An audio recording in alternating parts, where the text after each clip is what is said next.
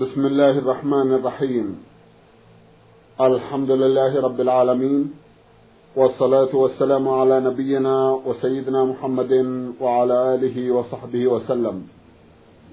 مستمعي الكرام السلام عليكم ورحمة الله وبركاته وأسعد الله أوقاتكم بكل خير.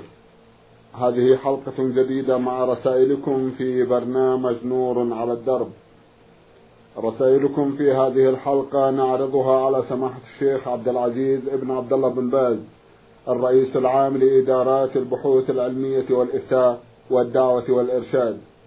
مع مطلع هذه الحلقة نرحب بسماحة الشيخ ونشكر له تفضله بإجابة السادة المستمعين فأهلا وسهلا بالشيخ عبد العزيز. حياكم الله. حياكم الله. أولى قضايا هذه الحلقة قضية بعث بها المستمع مستور حامد عبد الله الصواب. أخونا مستور عرضنا بعض أسئلته في حلقات مضت وفي هذه الحلقة له جمع من الأسئلة فيسأل هذا السؤال ويقول إذا جاء إنسان والإمام والمأمومون ما زالوا قائمين في الصلاة وكبر تكبيرة الإحرام وعندما قرأ ثلاث آيات من سورة الفاتحة ركع الإمام. فهل يركع أم يكمل السورة علما بأنه إذا أكملها سوف يتأخر عن الإمام والمصلين في الركوع والسجود؟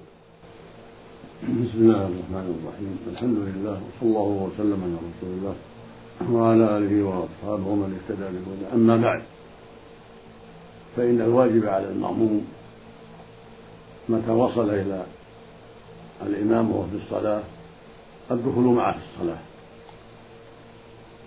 فإذا دخل معه في الصلاة وهو قائم قرأ. يستحب له يستفتح ثم يتعوذ ثم يسميه ثم يقرأ الفاتحة. فإن أمكنه إكمالها فالحمد لله. وإن لم يمكنه ركع مع إمامه ولم يكملها. وإمامه يقوم مقام في هذه الحالة ولا يلزمه الإكمال.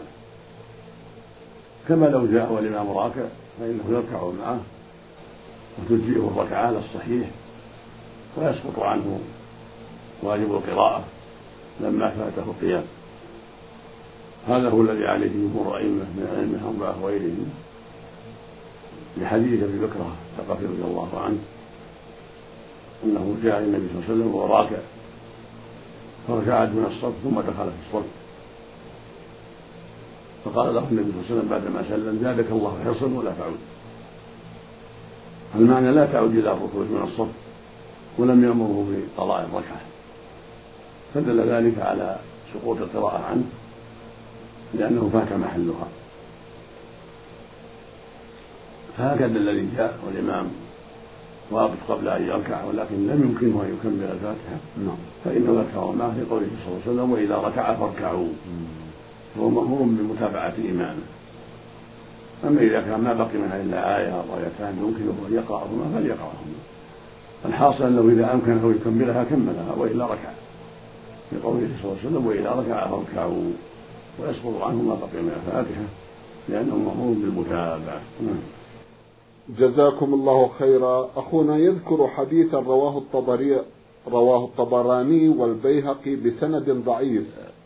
قال صلى الله عليه وسلم إذا اقشعر جلد العبد مخافة الله عز وجل تحاتت عنه ذنوبه كما يتحات عن الشجرة اليابسة ورقها.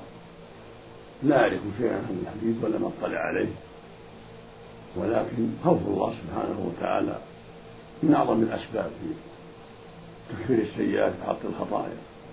قال تعالى ولمن خاف مقام ربه جنتان قال جل وعلا إن الذين يخشون ربهم بالغيب لهم مغفرة وأجر كبير.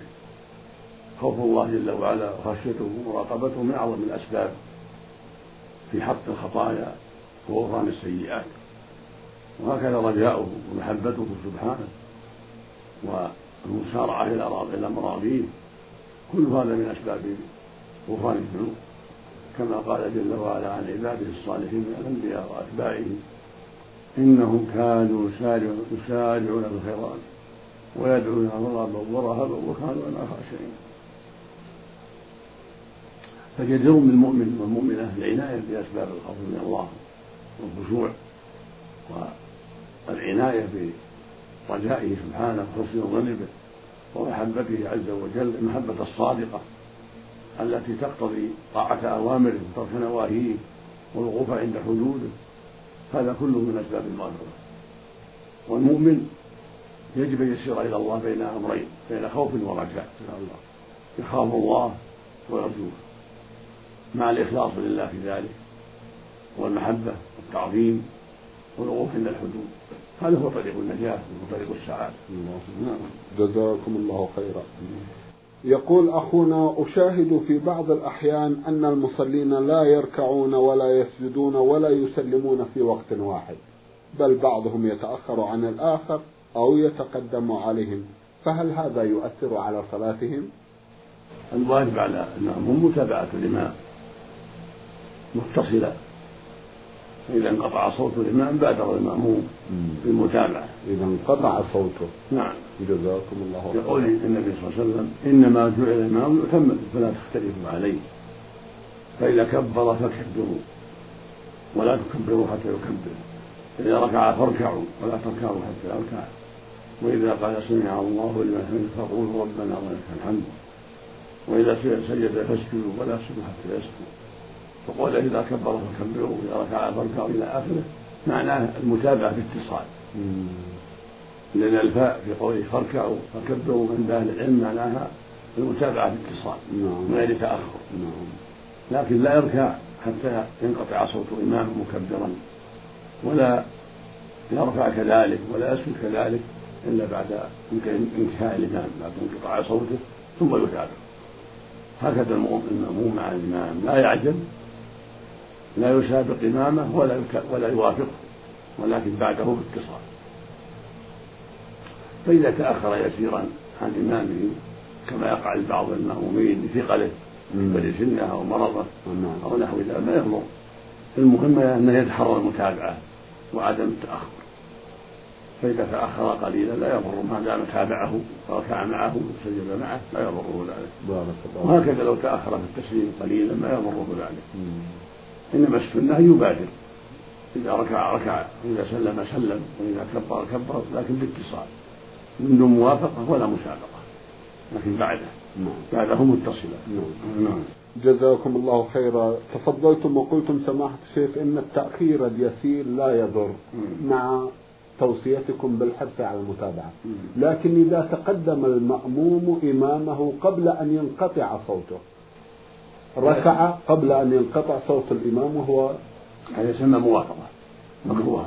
مكروهة. بعض أهل العلم حرمها في ظاهر الأحاديث. والصلاة صحيحة. الصلاة صحيحة. لأن بين آثم وبين غير آثم لكنه قد فعل مكروها. فالواجب أن لا يعجل حتى ينقطع صوت الإمام. أما المسابقة فمحرمة. بقوله صلى الله عليه وسلم أما يخشى الذي يرفع رأسه قبل الإمام أن يحول الله رأسه رأس حمار أو يجعل صورته صورة حمار. وهي موقعة في الصلاة وهكذا قوله صلى الله عليه وسلم إني إمامكم فلا تسبقوني بالركوع ولا بالسجود ولا بالقيام ولا بالانصراف الواجب أن لا يسابق. السنة أن يتابع ولا يوافق. فلا يوافقه ويكون معه ولا يسابقه ولكن بعده. فالمسابقة تبطل الصلاة. والموافقة مكروهة في الصلاة. والسنة أن يكون بعد إمامه إذا انقطع صوت الإمام تابعه جزاكم الله خيرا هل يجوز للرجل أن يعانق زوجات جده لأمه؟ محارم محارم زوجات الجد الأجداد سواء كانوا من جهة الأم أو من جهة الأب زوجة جد الإنسان من أبيه أو من أمه محرم له أن يعانقها له أن يقبل بين عينيها يصافحها كل هذا لا بأس. جزاكم الله خيرا. إذا فات المصلي الركعتان الأوليان من الصلاة الجهرية وقام بعد تسليم الإمام لقضائها فهل يجهر فيهما بالقراءة أم لا؟ وهل صلاة من لم يجهر فيهما بالقراءة صحيحة؟ الصواب أن ما يدركه مع الإمام هو أول صلاته وما يقضيه هو آخر صلاته. فإذا أدرك مع الإمام ركعتين فهما أول صلاته. يصليهما مع الإمام ساكتا لأن الإمام ساكت. غير جاهل. وإذا قام يقضي كذلك يقضيهما على أنهما الركعتان الأخيرتان فلا يجهر فيهما. هذا هو الصواب. لأنهما آخر صلاته. في مثل العشاء وهكذا المغرب إذا فاته واحدة فإنه يقضيها وتكون بالنسبة إليه هي الأخيرة لا يجهر فيها. هذا هو السنة. حتى لا حتى لا تتناقض الصلاة. طيب نعم. طيب. إذا فاتت المصلي الركعتان الأوليان من صلاة العشاء أو العصر أو الظهر عندما يقوم لقضائها هل يصلي ركعة ثم يقرأ التشهد الأول ثم يصلي الركعة الأخرى أم يصليهما بدون تشهد؟ وكذلك إذا فاتته ثلاث ركعات من الرباعية. إذا فاته اثنتان من المغرب فإنه إذا قام يأتي بواحدة ثم يجلس في التشهد الأول. لأن السنة في المغرب أن يجلس بعد اثنتين في التشهد الأول. فإذا قضى واحدة ضم إلى ما أدركه مع الإمام وصار جميع اثنتين فيجلس التشهد الأول. ثم يقوم فيأتي بالثالثة. منفردة يسر في هذا الطاعة في المغرب أما في العشاء فإذا فاته اثنتان فإنه يأتي بالسنتين متتابعتين لا جلس فيهما إلا في الأخيرة منهما وهو الجلوس الأخير كما هو معلوم. جزاكم الله خيرا.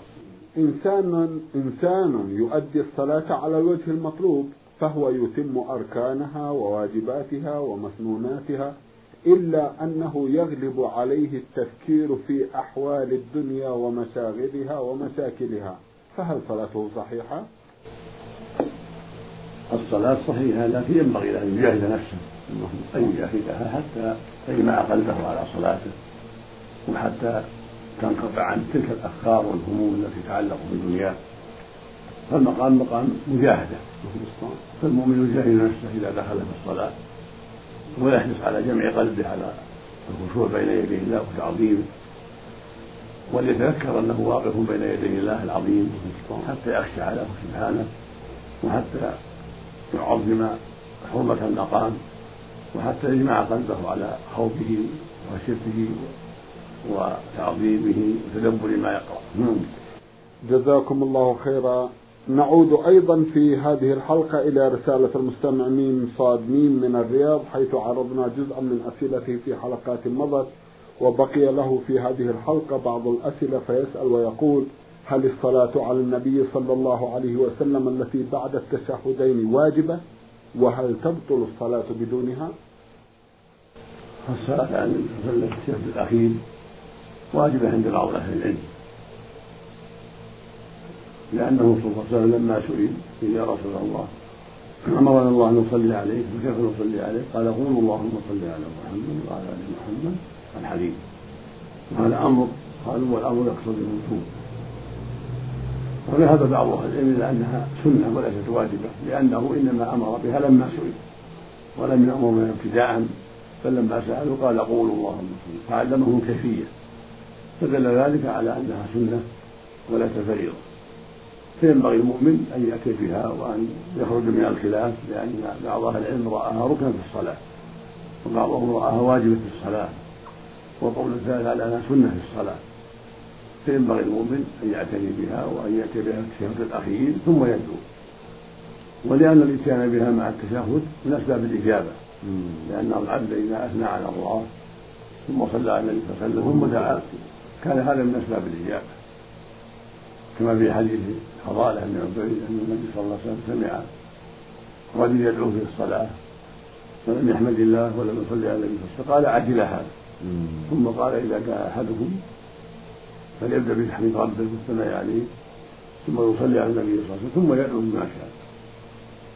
فالمؤمن إذا أتى بالتحيات ثم صلى على النبي صلى الله عليه وسلم في التشهد الأخير ثم دعا بسؤال الله بتعوذ الله من الأربع ودعا بالدعوات التي يريدها كان هذا من أسباب الإجابة.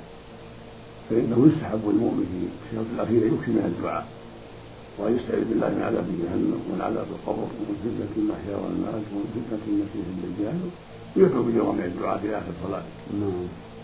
فإذا كان ذلك بعد التشهد وبعد الصلاة على النبي صلى الله عليه وسلم كان هذا من أسباب الإجابة. وأما التشهد الأول فلا تجب الصلاة على النبي صلى الله عليه وسلم. اللهم صل عليه قولا واحدا ولكن تستحب بعد الصحيح يصلي على النبي صلى الله عليه وسلم التشهد الأول ثم يقوم. فإن لم يفعل فلا حرج عليه. إنما الخلاف في التشهد الأخير. هل تجب الصلاة على النبي صلى الله عليه وسلم؟ وهل هي ركن أم واجب أم سنة؟ هذا محل خلاف بين أهل العلم.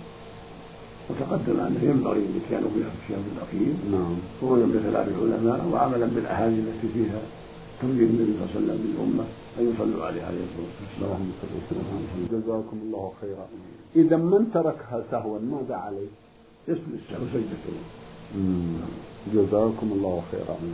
يقول البعض عند المسعى وعند تقصير الشعر إنه لا يجوز قص الرجل المحرم شعره بنفسه بل يجب أن يقصه له أحد آخر.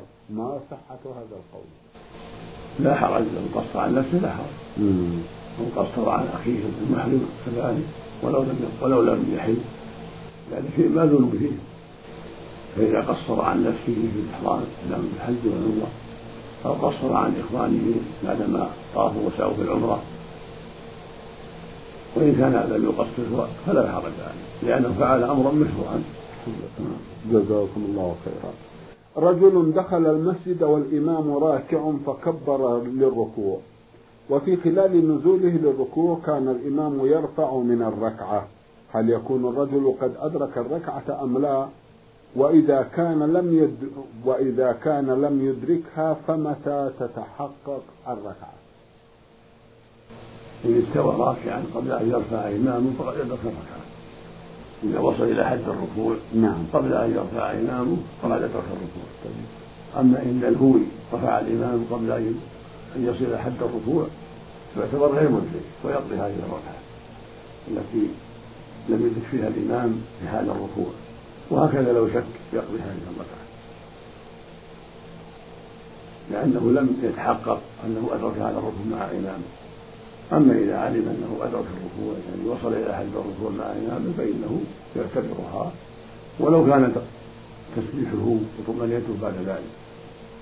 ولو كان التسبيح والطمأنينة بعد رفع الإمام ما دام وصل إلى حد الركوع والإمام لم يرفع جزاكم الله خيرا.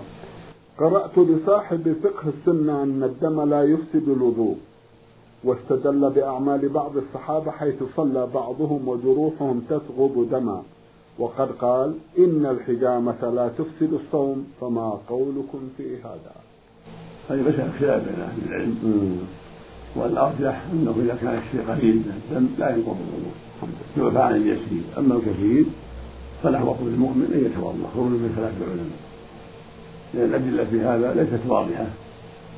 فإذا توضأ الإنسان من الدم الكثير من الجراح الكثيرة كان أحوط. إلا إذا استمر فإنه يصلي على حسب حاله. كالمستحاضة. توضأ لوقت كل صلاة وتصلي. فهكذا من معه الجرح الدائم يتوضأ لكل صلاة ويكفي. وهكذا صاحب السلس الذي معه البول الدائم يتوضأ لكل صلاة. أما الدماء اليسيرة التي تعتري الإنسان مثل ضعاف يسير وجرح يسير هذا يعفى عنه ولا يجب معه الوضوء والحجامة تعتبر من الدم الكثير. فالوضوء أحوط. نعم. نعم. جزاكم الله خيرا. من منطقة سدير جلاجل المستمع سليمان بن إبراهيم الوكيل بعث يسأل ويقول رجل قدم من مصر بقصد العمرة والعمل عن طريق الجو. وعند محاذاة الميقات إذا ملابس إحرامه داخل العفش فنزل في المطار وأحرم من جدة. فهل عليه شيء؟ وما حكم عمرته؟ نرجو الإفادة والتوجيه. نعم عليه لأن ترك الميقات. وعمرته صحيحة وعليه لم ترك الإحرام من الميقات. ولو أحرم في ثيابه من أول إحرام في ثيابه بمخيطة وكشف رأسه ونوى الدخول الإحرام وهو في الميقات كان ذلك هو الواجب عليه. ثم يلبس ملابس الإحرام بعد ذلك. ويكون عليه عن بقاء المخيط صيام ثلاثة أيام أو إطعام ستة مساكين أو ذبح شاة أحد الثلاث إما صيام ثلاثة أيام أو إطعام ستة مساكين أو ذبح شاة لكونه استدام المخيط في الميقات وبعده حتى يلبس ثياب الإحرام. وهذا هو الواجب من إذا وصل الميقات ولم يجد ملابس الإحرام يحرم في ثيابه العادية. ينوي الإحرام في ثيابه العادية وهو يلبي وهو معلوم في هذه الحالة. وإذا وجد الملابس بعد ذلك خلع المخيط ولبس ملابسه لكن يكشف رأسه لأن كشف الرأس متيسر نعم. جزاكم الله خيرا. المستمع علي محمد علي سوداني مقيم بالمجمع بعث برسالة يقول فيها فقدت مني أشياء ثمينة. فأقسمت بالله العظيم أن من يجدها سأعطيه مكافأة. ووجدها رجل لكني لم أعطه شيئا حتى الآن. فهل علي إثم في هذا؟ وهل يجب علي أن أعطيه المكافأة؟ أفيدوني جزاكم الله خيرا. يشرع لك أن توفي بوعدك وما حلفت عليه. وتعطيه المكافأة المناسبة فإن لم تعطه فعليك كفارة لأنك حالف إما أن تعطيه المكافأة وإما أن تكفر كفارة يمين والمشروع لك أن تعطيه المكافأة. لأنك ضاعفت وحلفت على ذلك فينبغي لك أن توفي. والمؤمن إذا وعد وفى. نعم. جزاكم الله خيرا. المستمع سعود سليمان من عفيف بعث برسالة يسأل فيها عن نصاب الإبل كم عدده وكم زكاته. نصاب الإبل مختلف متنوع. نعم. فأقل النصاب خمسة من الإبل فيها شاة إذا كانت سائمة ترعى وهي المملوكة كلها كلها فيها شاة وإذا كانت عشرا ففيها شاتان وفي خمس عشرة ثلاثة شياه وفي عشرين أربع شياه فإذا بلغ خمسة وعشرين وهي سائمة ترعى وجد فيها بنت مخاض يعني تم لها سنة. نعم. ودخلت في الثانية. وانتقل الواجب من الغنم إلى الإبل إلى ست وثلاثين. إذا بلغ ست وثلاثين فيها بنت لمون. تم لها سنتان ودخلت في الثالثة. إلى ست وأربعين. إذا بلغ ست وأربعين فيها حقة. يعني تمت ثلاث سنين ودخلت في الرابعة. نعم. إلى واحدة وستين. فإذا بلغت إلى وستين ففيها الجذعة ثم فيها التفصيل بعد ذلك. المقصود أنها منوعة نعم نعم. والمؤمن يراجع. أهل العلم والأحاديث الواردة في ذلك إذا كانت عنده الإبل. حتى يعلم الزكاة على بصيرة. ولا بد أن تكون سائمة راعية. راعية نعم. ويكون ذلك عند تمام الحول بارك في كل سنة نعم. نعم. إذا رعاها يوم وأعلفها يوم أو رعاها بعض يوم وأعلفها البعض الآخر؟ لابد أن تكون الراعي أكثر الحول أكثر الحول. أكثر الحول. فاذا كانت ترعى أكثر الحول وجبت فيها الزكاة. نعم. فإن كان الأكثر علفا فليس فيها شيء. إلا إذا كانت في التجاره والبيع والشراء فيها نعم. زكاة التجارة أيوة. زكاة العروض. جزاكم الله خيرا. الغنم مثلها سماحة الشيخ مثلها في جهه السوم جهه الرعي يعني. نعم. أما النصاب غير. نعم. نصاب الغنم أربعون. أسأل عن الصوم وأما الصوم لابد في الآن في الغنم والإبل والبقر. لابد من الرعي لا بد من إذا كانت تعلم فليس فيها شيء. فليس فيها زكاة إلا إذا كانت التجارة أيوة. زكاة زكاة التجارة جزاكم الله خيرا. يقول إن من عاداتنا أن نعطي المرأة ناقة عند الزواج. ولكن الناقة التي أعطيتها لزوجتي ماتت فأعطيتها بدلا عنها ناقة أخرى ولكنها غضبت مني وحرمتها على نفسها ظنا منها بأن الناقة التي سبق وأنا أعطيتها لها مريضة هل تحل لها بعد تحريمها إياها على نفسها أم لا؟ نعم إذا كانت قضتها وتملكتها فهي ملكها ولو امتنعت منها بعد ذلك فهي ملكها حتى تصرف فيها بيع أو هبة ونحو ذلك. أما إذا كان لم تقبلها بالكلية لما أعطتها إياها فإنها لا تكون ملكا لها. ما دام أعطيتها إياها وأبت قلت لا أقبلها فإنها لا تكون, لا تكون ملكا لها. إلا بهبة أخرى منك وعطية أخرى منك وتقبلها. ولا ينبغي لها سوء الظن. إذا كانت لا تعلم أن الأولى مريضة فينبغي لها حسن الظن. أيوة. أما إذا كانت تعلم أنها مريضة فينبغي التسامح في الأمور. لأن الشدة في الأمور تسبب شحناء وعذاب وربما هو في الفرقة والطلاق نعم. فينبغي لها التسامح وعدم التشديد في الأمور وأن تسمح عنك إذا كنت تستاهلت في ذلك وتقبل البديل والحمد لله. جزاكم الله خيرا. المستمع جمال عبد أحمد صالح الشعبي مدرس يمني من مركز الزهرة التعليمي في لواء الحديدة بعث هذه المرة بجمع من الأسئلة. فيسأل ويقول ما هو غرور الحياة الدنيا الذي نهى الله عنه؟ الغرور بها هو الاشتغال بها وإيثارها على الآخرة حبا لها وتعظيما لها وتلذذا بها. ولهذا نهى الله عنها قال فلا تغرنكم الحياة الدنيا. يعني بما فيها من المتاع من النساء من الذهب الفضة المزارع المجالس المراكب إلى غير ذلك. فالعاقل لا تغره هذه المظاهر ولا يشغل بها عن الآخرة ولكن يعد العدة للآخرة ويستعين بهذه النعم على طاعة الله جل وعلا. أما من غلب عليه الشيطان والهوى لضعف إيمانه وقلة بصيرته فإنه قد يغتر بهذه المظاهر ويلهو بها ويشغل بها عن الآخرة وينسى حق الله عليه فيهلك ولا حول ولا قوة إلا بالله. نسأل الله السلامة. وعلم آدم الأسماء كلها. ما هي هذه الأسماء؟ مثل ما قال ربي الأسماء كلها. علمه الأسماء كلها. أسماء الإبل أسماء الغنم أسماء البقر أسماء بني آدم. أسماء الملائكة إلى غير ذلك. الأسماء كلها. عامة عامة نعم. جزاكم الله خيرا. ما هو الفرق بين الحديث القدسي والقرآن وكلاهما كلام الله عز وجل؟ القدسي ما ينقله الرسول عن ربه من غير القرآن. يقال له قدسي ويقال له كلام الله. لكن ليس له حكم القرآن. من جهة أنه معجزة.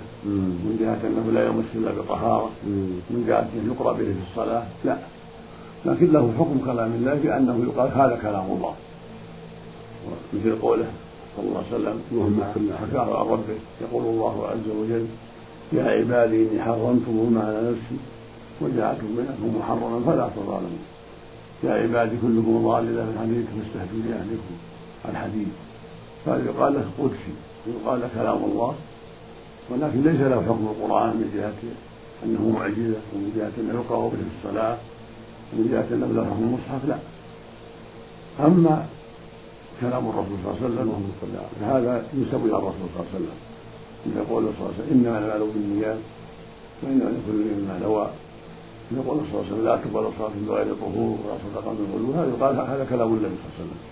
وإن كان شرعا من الله وتعليما من الله جل وعلا أوحاه الله إليه لكنه من كلام النبي ما نسبه إلى الله.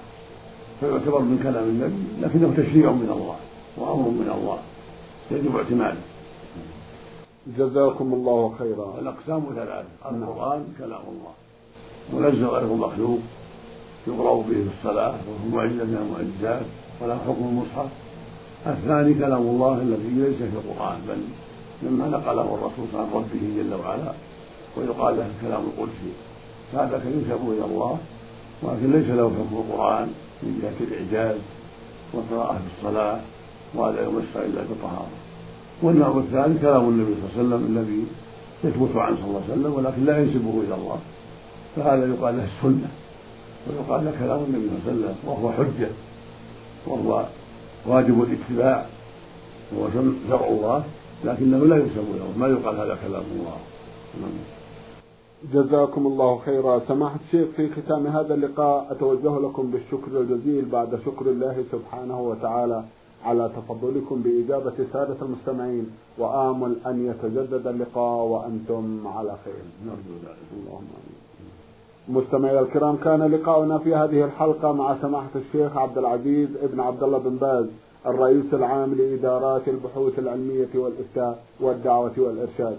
شكرا لمتابعتكم وإلى الملتقى وسلام الله عليكم ورحمة وبركاته.